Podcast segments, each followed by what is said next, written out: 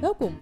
Dit is de arbeidsrecht-podcast van Lagro Veerkerkenadvocaten met Annemiek Varkenvissel en Gerard Duitgeest. In iedere aflevering bespreken zij op luchtige wijze actualiteiten in het arbeidsrecht. Ja, welkom allemaal terug bij een nieuwe aflevering van onze arbeidsrecht-podcast. Ik ben even op vakantie geweest. Dat heeft geleid tot een korte pauze, maar ik ben er weer. Annemiek, wat gaan we deze keer bespreken? We gaan het deze keer hebben over het verhalen van, de mogelijkheid tot het verhalen van schade op de werknemer Mhm. eh, in de uitspraak van de week. En daarvoor bespreken we natuurlijk de ontwikkelingen op het gebied van wetgeving en rechtspraak. Laten we dat maar gelijk gaan doen. Wat moet je weten? De nieuwsflash. Ja, op het gebied van wetgeving is het eigenlijk rustig. Dat is op zich ook niet gek met eh, de kabinetsformatie, want eh, dat ligt nu eh, een beetje stil, volgens mij. Zeker. Het ligt Een beetje stil, ja. Ehm, maar helemaal stil is het niet, want op 13 februari is er een motie aangenomen in de Tweede Kamer over het wetsvoorstel concurrentiebeding. Mhm. Daar hebben we het al eh, vaker in de podcast over gehad. eh, dat er een wetsvoorstel aan zit te komen met grote wijzigingen voor het concurrentiebeding. Ja, minister heeft dat aangekondigd. Althans, de demu- althans, demissionair minister heeft het Ja, precies. In eerste instantie werd dat nog in 2023 verwacht, maar dat is niet gelukt. Dus nu staat het gepland voor het eerste kwartaal van 2024.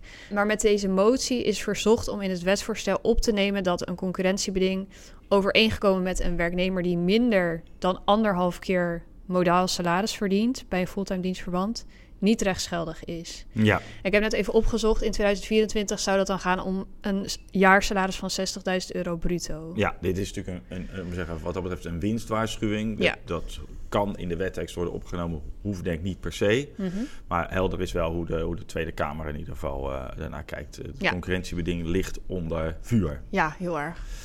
Oké, dan naar de rechtspraak. Ja. Want ik denk dat er verder eh, qua wetgeving niet Nee. echt iets bijzonders Nee. te melden is. Oké, dan naar de rechtspraak. Eerst een eh, arrest van de, van de Hoge Raad. Ging, feitelijk kader was een paar jaar geleden vechtpartij tussen verschillende collega's. Daarvan zijn opnames gemaakt. Van die vechtpartij. Twee dagen later vinden er daarover gesprekken plaats. En nog twee dagen later wordt een van die werknemers opgebeld door werkgever met de mededeling: eh, je bent op staande voet ontslagen. En je weet wel waarom. Ja. En een week later nog eh, ontvangt hij eh, een ontslagbrief met bevestiging. En dan gaat de juridische discussie over de vraag of dit ontslag onverwijld is gegeven. Hè, zo snel mogelijk. Mhm. En was die mondelinge mededeling, hè, je bent op staande voet ontslagen, je weet wel waarom, was die in het kader van alle omstandigheden van het geval voldoende eh, eh, duidelijk? Want vaste rechtspraak is, hè, de, werknemer moet het aanstonds duidelijk zijn waarom hij op staande voet wordt ontslagen. Ja.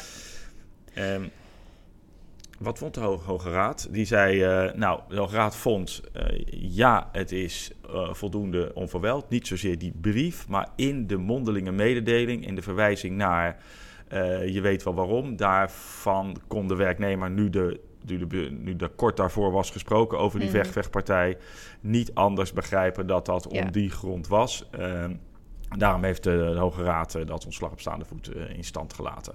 Ja, precies. Hier was gewoon direct duidelijk waar het om ging Ja. voor de werknemer. Ja, er waren ook geen andere zaken die, die, daar, die, daar, die daar speelden. En volgens mij was zelfs ook in die mondelinge mededeling nog gemeld. Ja, je weet wel waarom. We hebben er twee dagen geleden Ja. nog over gesproken. Dus dat, dus dat was voldoende duidelijk. kadering voor de Hoge Raad. Eh, ook al was de brief eigenlijk te laat. Ja. Ja, en wij leggen natuurlijk de reden van het ontslag altijd netjes vast in een ontslagbrief. Zo snel dat mogelijk, Heeft, ja. ja. zo snel mogelijk. Dat heeft ook denk ik nog steeds de voorkeur, ondanks deze uitspraak. Zeker. En in deze zaak ging het natuurlijk vooral, vooral goed wat jij net ook zei. Dat het, ja, de werkgever had het bewijs gewoon rond van die vechtpartij. Er waren opnames van, daar was over gesproken. En ja, nou ja, wat we net ook al zeiden, het was voor de werknemer gewoon duidelijk waar het om ging. Maar je hebt natuurlijk ook wel zaken waarin het iets minder dikker bovenop ligt. Zeker, waarom zeker, de werknemer zeker, wordt ontslagen. En dan is het gewoon heel verstandig om dat in een brief Ja. direct Maar, de- te delen. maar de- desalniettemin voor werkgevers een hoopvolle Ja. uitspraak. Zeker. Oké, Dan had ik nog een uitspraak in de sportwereld. Ging over een handbalvereniging in Limburg. Die eh, werd veroordeeld tot betaling van een vergoeding van in totaal 50.000 euro bruto aan een Portugese handbalspeler. waarom eigenlijk? Nou, deze speler die speelde dus sinds 2014 onafgebroken voor de club op basis van een spelersovereenkomst. Eh, en dan ontving hij maandelijks een vergoeding van 1850 euro netto en hij kreeg ook een auto. Ja. In januari 2023 raakte hij dan geblesseerd tijdens een oefenwedstrijd. Hij scheurt zijn eh, kruisbanden af. En in juni 2023, dus een aantal maanden later, stopt de cl- club met het betalen van de spelersvergoeding. Mhm. En die zeggen ook, we gaan de spelersovereenkomst gaan wij niet met jou verlengen. De kantonrechter die moet dan dus beoordelen of er sprake is van een arbeidsovereenkomst. Dus of die spelersovereenkomst kan worden gekwalificeerd als een arbeidsovereenkomst. En de kantonrechter die motiveert dat heel uitgebreid. Die gaat alle omstandigheden van het geval af.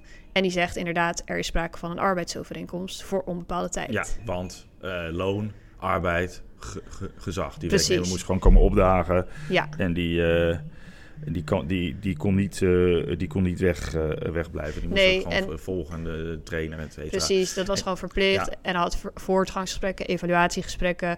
Hij- Er waren regels rondom ziekmelding, rondom het eh, aanvragen van verlof. Dus ja. ja, dat wijst natuurlijk gewoon ja op en, een in, in, gezagsverhouding. in, in, de voet, in de voetbalwereld is al tientallen jaren geleden vastgesteld Mm. dat zo'n overeenkomst waar- waarvoor wordt betaald natuurlijk eigenlijk gewoon een arbeidsovereenkomst is. Dus dit is op zich geen nieuws, denk ik. Nee, eh, vond eh, die eh, bestuurder van de handbalvereniging van Ja, wel. Maar, ik, goed, Ja. Ehm, ik denk juridisch gezien geen nieuws.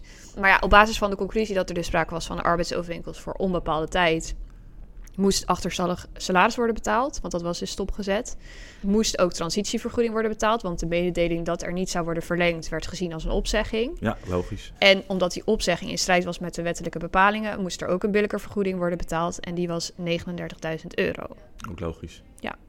Fors ook, maar logisch. Ja, op Ja. zich, ja, arbeidsrechtelijk gezien logisch Ja. uitspraak. Maar eh, dat kreeg een staartje, want die vereniging die kon volgens mij eh, dat allemaal niet betalen. En heeft vervolgens parkerende post het eigen fa- Ja. faillissement aangevraagd. Ja. Dat is ook uitgesproken. Ja.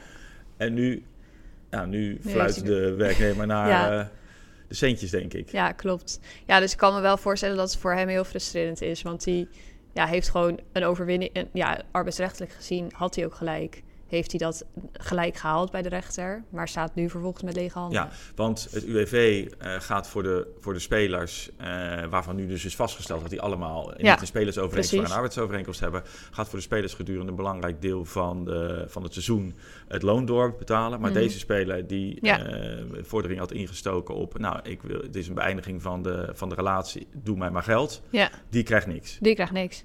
Dus degene die heeft gepiept, die heeft gestreden hiervoor, die krijgt niks. En die gelijk had. Ja, Oké, nou zo gaat het wel eens in het Ja, arbeidsrecht. ja. Op zich voor werkgever ook een hoopvol. ja, ja, ja. Oké, heb je er Ehm, nog één? Ja, dat ging over een sollicitatieprocedure bij Randstad. In het kader van de sollicitatieprocedure moest de kandidaat een presentatie houden aan, eh, aan het team, volgens mij. En eh, nou, het team was daar heel enthousiast over. En die zouden eh, haar een bericht hebben gestuurd waarin ze zeiden... nou, Randstad heeft geen andere keuze dan jou een arbeidsovereenkomst aan te bieden. En in een andere mail van een andere medewerker van Randstad, Randstad staat dan... wij komen snel terug met een offer letter. Mhm. De volgende dag komt er een anonieme brief binnen waarin de geschiktheid van die kandidaat in twijfel wordt getrokken. En dan gaat Randstad geen offer doen. Nee, die wil dan niet meer met haar verder. Ja. En in deze procedure gaat het dan om de vraag: ja, is er nou sprake van overeenstemming over een arbeidsovereenkomst? En daarvan zegt de kantonrechter nee. Jullie waren nog helemaal aan het begin van de onderhandeling. Er is nog niet gesproken over welk loon er zou moeten worden betaald, welke arbeidsomvang. Dus ehm, nee, geen arbeidsovereenkomst. Terecht, denk ik. Ja. Goed, eh, het is natuurlijk wel goed, van je, eh, goed om bewust te zijn als werkgever dat je op een bepaald moment niet meer terug kan. Althans, niet meer zonder schadevergoeding. En eh, als, als er natuurlijk eh, toezeggingen zijn gedaan met betrekking tot salaris en andere essentialia van, de, van de arbeidsovereenkomst, dan is het moeilijk om je op deze wijze terug te trekken. Ja, behalve als er dan natuurlijk een proeftijd zou zijn, dan, Ja, dan kan, je nog daar kunnen. nog, dan kan je daar nog wel wat, eh, soms wat mee. Ja. Alright. Ja. Ik had er nog eentje in een situatie waarbij werkgever, dat was de Belastingdienst, te veel salaris aan een, een bepaalde werknemer had uitbetaald. Eh, deze werknemer had een opleiding, eh, na een opleiding een aanstelling gekregen met een bepaalde salarisschaal. Maar kreeg eh, vervolgens veel meer uitbetaald dan die salarisschaal. Ja. En ook op zijn loonstrook stond die verkeerde schaal genoemd. En de Belastingdienst kwam daar op een gegeven moment achter en die wilde dat loonverschil terughalen. De werknemer verweert zich daartegen en die zegt: Nou, ik mocht er eigenlijk gerechtvaardigd op vertrouwen dat wat de Belastingdienst aan mij, juist de Belastingdienst aan mij uitbetaalt, Mhm. dat dat correct was. En op zich is dat wel, denk ik, eh, de dragende, eh, de dragende lijn. Hè? Dus als een werkgever iets eh, wat te veel betaald is terug wil vorderen, Ja, dan, dan, dan als de werknemer zich kan verweren met... ja, ik mocht er gerechtvaardigd op vertrouwen dat wat er werd betaald correct was... ja, dan gaat die terugvordering niet door. Iets anders is natuurlijk als, als vast komt te staan... nou, het loon is verkeerd geweest. Vanaf een bepaald moment gaan we dan weer het goede loon betalen. Dat is een andere vraag dan kunnen we daarbij ook in het verleden terugvorderen. Ja. Hier gold dat de rechter vaststelde, nou, de werknemer heeft een duidelijke bevestiging gekregen in welke loonschaal hij zou worden ingedeeld. Vervolgens uh, kon hij duidelijk zien dat een andere loonschaal werd uitbetaald. Mhm. En vond uh, de rechter dat uh, de werknemer er dus niet gerechtvaardigd op kon vertrouwen dat aan hem het goede salaris werd uitbetaald. Dus moest er worden terugbetaald. Verschil Ja. van ruim 1000 euro per maand. Hè. Dus Ja, dat ging om een substantieel verschil.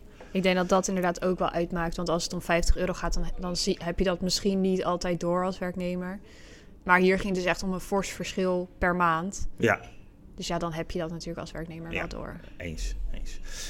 Eh, heb, heb jij er nog één? Ja, ik heb nog wel een leuke, vooral voor ons als advocaten. Want het gaat, Ik denk dat ik al weet eh welke het gaat. Ja. het gaat over een eigenwijze advocaat-stagiair.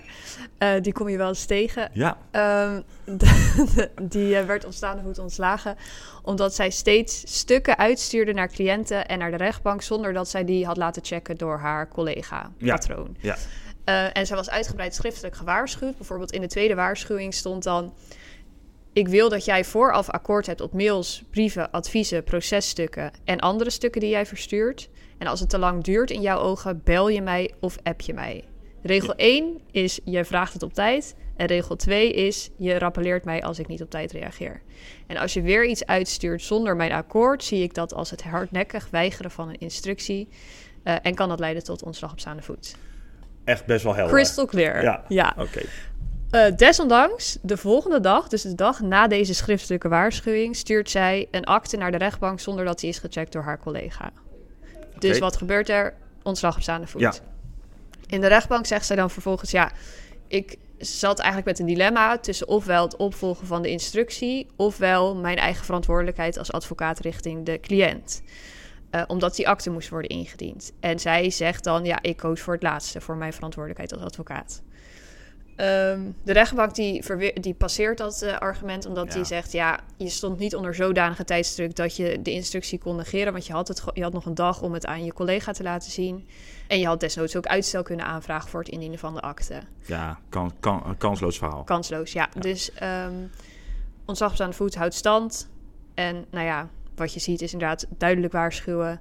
En vervolgens het, het feit dat de werknemer dus nog steeds die instructie weigert... leidt gewoon tot een eh, ontslag op staande Ja, en dan kan zelfs zo'n kleine druppel, Ja. want dat is, dat is Ja. misschien over totaal eh, voldoende zijn voor een ontslagstaande voet. Dat kan dus ook bijvoorbeeld bij te laat komen hè, als een werknemer Precies. voldoende is gewaarschuwd en van Ja. joh, het kan echt niet en er is- geldt een duidelijk stappenplan en de werknemer houdt zich daar vervolgens dan niet aan. Ja, dan kan ook een relatief milde overtreding leiden tot eh, Ja. ontslag op is staande gewoon voet. klaar.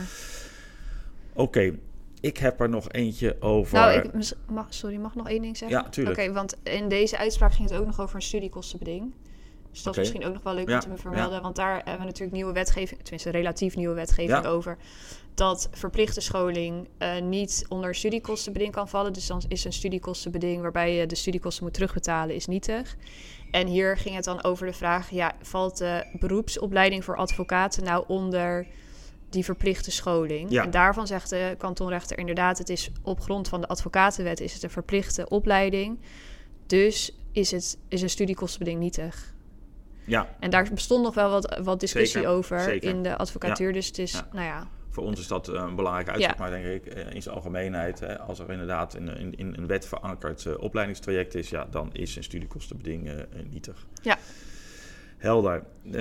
Hebben we er nog één? Ja, die van die billijke vergoeding misschien. Eh, ja, dat is goed, maar dat is dan denk ik wel de laatste. Ja.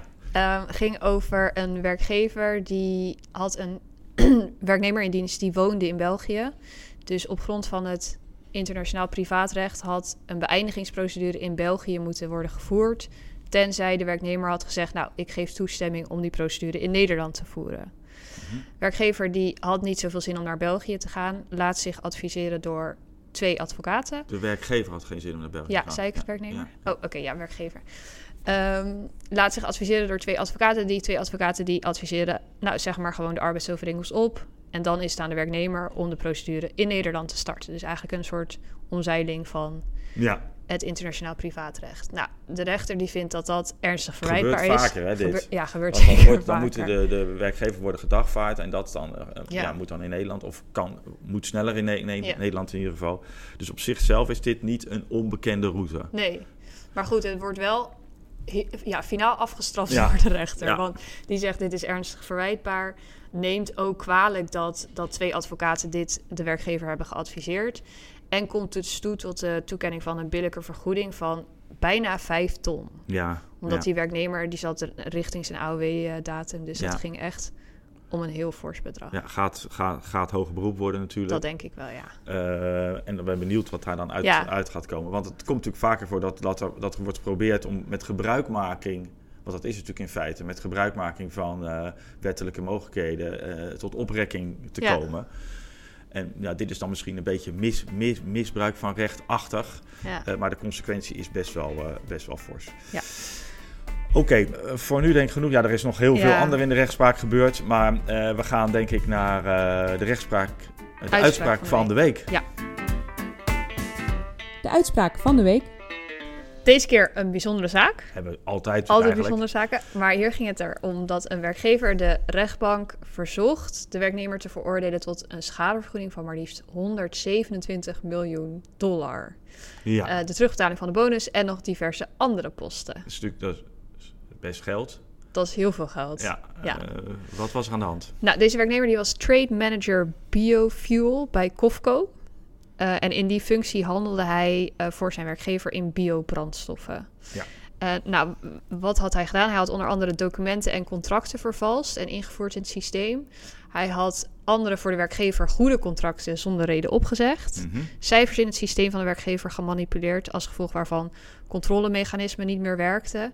En de werkgever te laat, nadat er dus al forse handelsverliezen waren geleden, kon ingrijpen. Ja, En deze, werk, of, eh, deze werknemer was voor een aantal van zijn gedragingen ook strafrechtelijk al ja veroordeeld. vals het in geschriften. Ja. ja. En wat dit, eh, na, naast het, het, het zeer significante bedrag, natuurlijk inhoudelijk juridisch een interessante zaak maakt, is dat het gaat om schade die door eh, de werknemer aan werkgever wordt toegebracht. En daarvoor geldt op grond van de wet echt wel een hele hoge lat. Hè? Want de werkgever moet aantonen dat de opzet van de werknemer was gericht op het toebrengen van de schade. Of dat dat, hè, het schade toebrengen, bewust roekeloos gebeurde. Ja. En meestal lukt het de werkgever niet om die hoge juridische lat te halen. Want het gaat er niet om of de werknemer eh, eh, roekeloos heeft gehandeld. Maar dat hij bewust roekeloos was. En dat moet zien op het toebrengen van de schade. Hij Ja. moet de schade bewust op de koop toegenomen hebben. Ja, En bewijzen eh, dat de werknemer schade met opzet heeft toegebracht, lukt de werkgever eigenlijk bijna Nee. nooit. Er zijn in die rechtspraak ook, ook nauwelijks eh, gevallen bekend. Hè, dus het gaat bijna altijd op bewuste roe- roekeloosheid. Want als het gaat om opzet, dan moet de werkgever dus aantonen, vaak met behulp van getuigen, dat de werknemer ja, heeft gezegd: joh, ik doe dit om de werkgever Ja. eh, te naaien of om de schade toe te brengen. Ja, en dan zou je het kunnen bewijzen. Want werknemer gaat het natuurlijk nooit toegeven in de procedure Nee. dat hij iets met opzet heeft gedaan. nee, dus de lat ligt heel hoog. Ja, heel hoog. In deze zaak oordeelt de rechter dat de werknemer eh, ten aanzien van een aantal zaken opzettelijk heeft gehandeld. Ja, opzettelijk schade heeft toegebracht. Ja, maar desondanks leidt dat niet tot aansprakelijkheid voor de gestelde zaken. Eh, nu bijvoorbeeld door de werkgever gestelde, de, door de werkgever gestelde schade die is ontstaan door de handelsverliezen. Dus door het manipuleren van de administratie. Niet als schadegeld waarvoor de werknemer aansprakelijk is. Ja, ik zei net, de, de, eh, kantonrechter oordeelt dat eh, de werknemer opzettelijk schade heeft toegebracht, maar dat is niet het oordeel. Hij heeft opzettelijk gehandeld, maar de rechter maakt een knip ten aanzien van inderdaad de schade, het causale verband. Dus de, de, de handelingen zijn wel eh, opzettelijk verricht, maar de schade, daar, is, daar mist het causaal verband. Ja. Want de redenering is dan, hè, er stond ten onrechte een winst in de boeken voor bepaalde handelstransacties.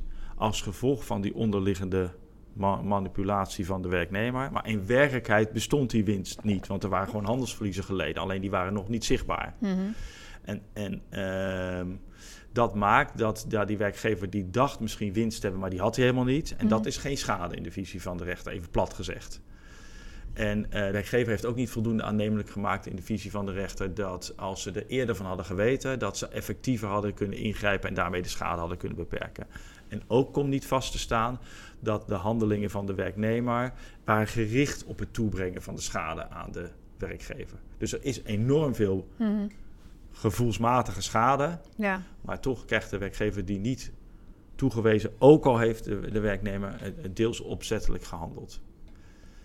En daarbij komt die werknemer natuurlijk wel heel goed weg. ja voelt wel denk ik eh, frustrerend voor zo'n Ja, werkgever. Ja, voelt frustrerend. Hij moet dan wel een boete betalen van, en die wordt dan door de rechter ook gematigd van 6,5 miljoen tot 2.500 200.000 euro. Voor het in strijd handelen met, van het, eh, door de werknemer met zijn nevenwerkzaamheden beding. Hij verrichtte namelijk ook voor een andere partij die in vergelijkbare branche had activiteiten.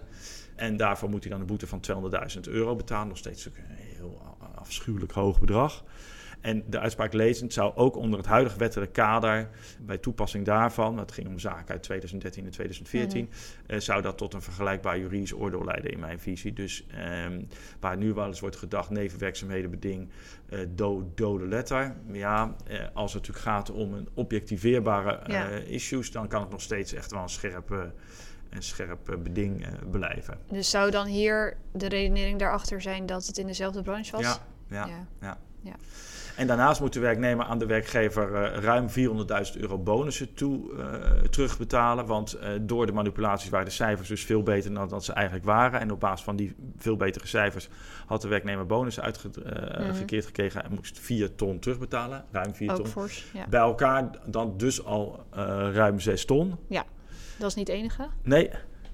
Want partijen streden ook nog om de vraag of de eh, werknemer eh, de onderzoekskosten die de werkgever had betaald om dit allemaal boven water te krijgen, moest terugbetalen. En het ging om een bedrag van bijna 1 miljoen euro. En voor deze toets moet de werknemer die kosten terugbetalen. Geldt niet de zeer hoge lat van de schade toebrengen.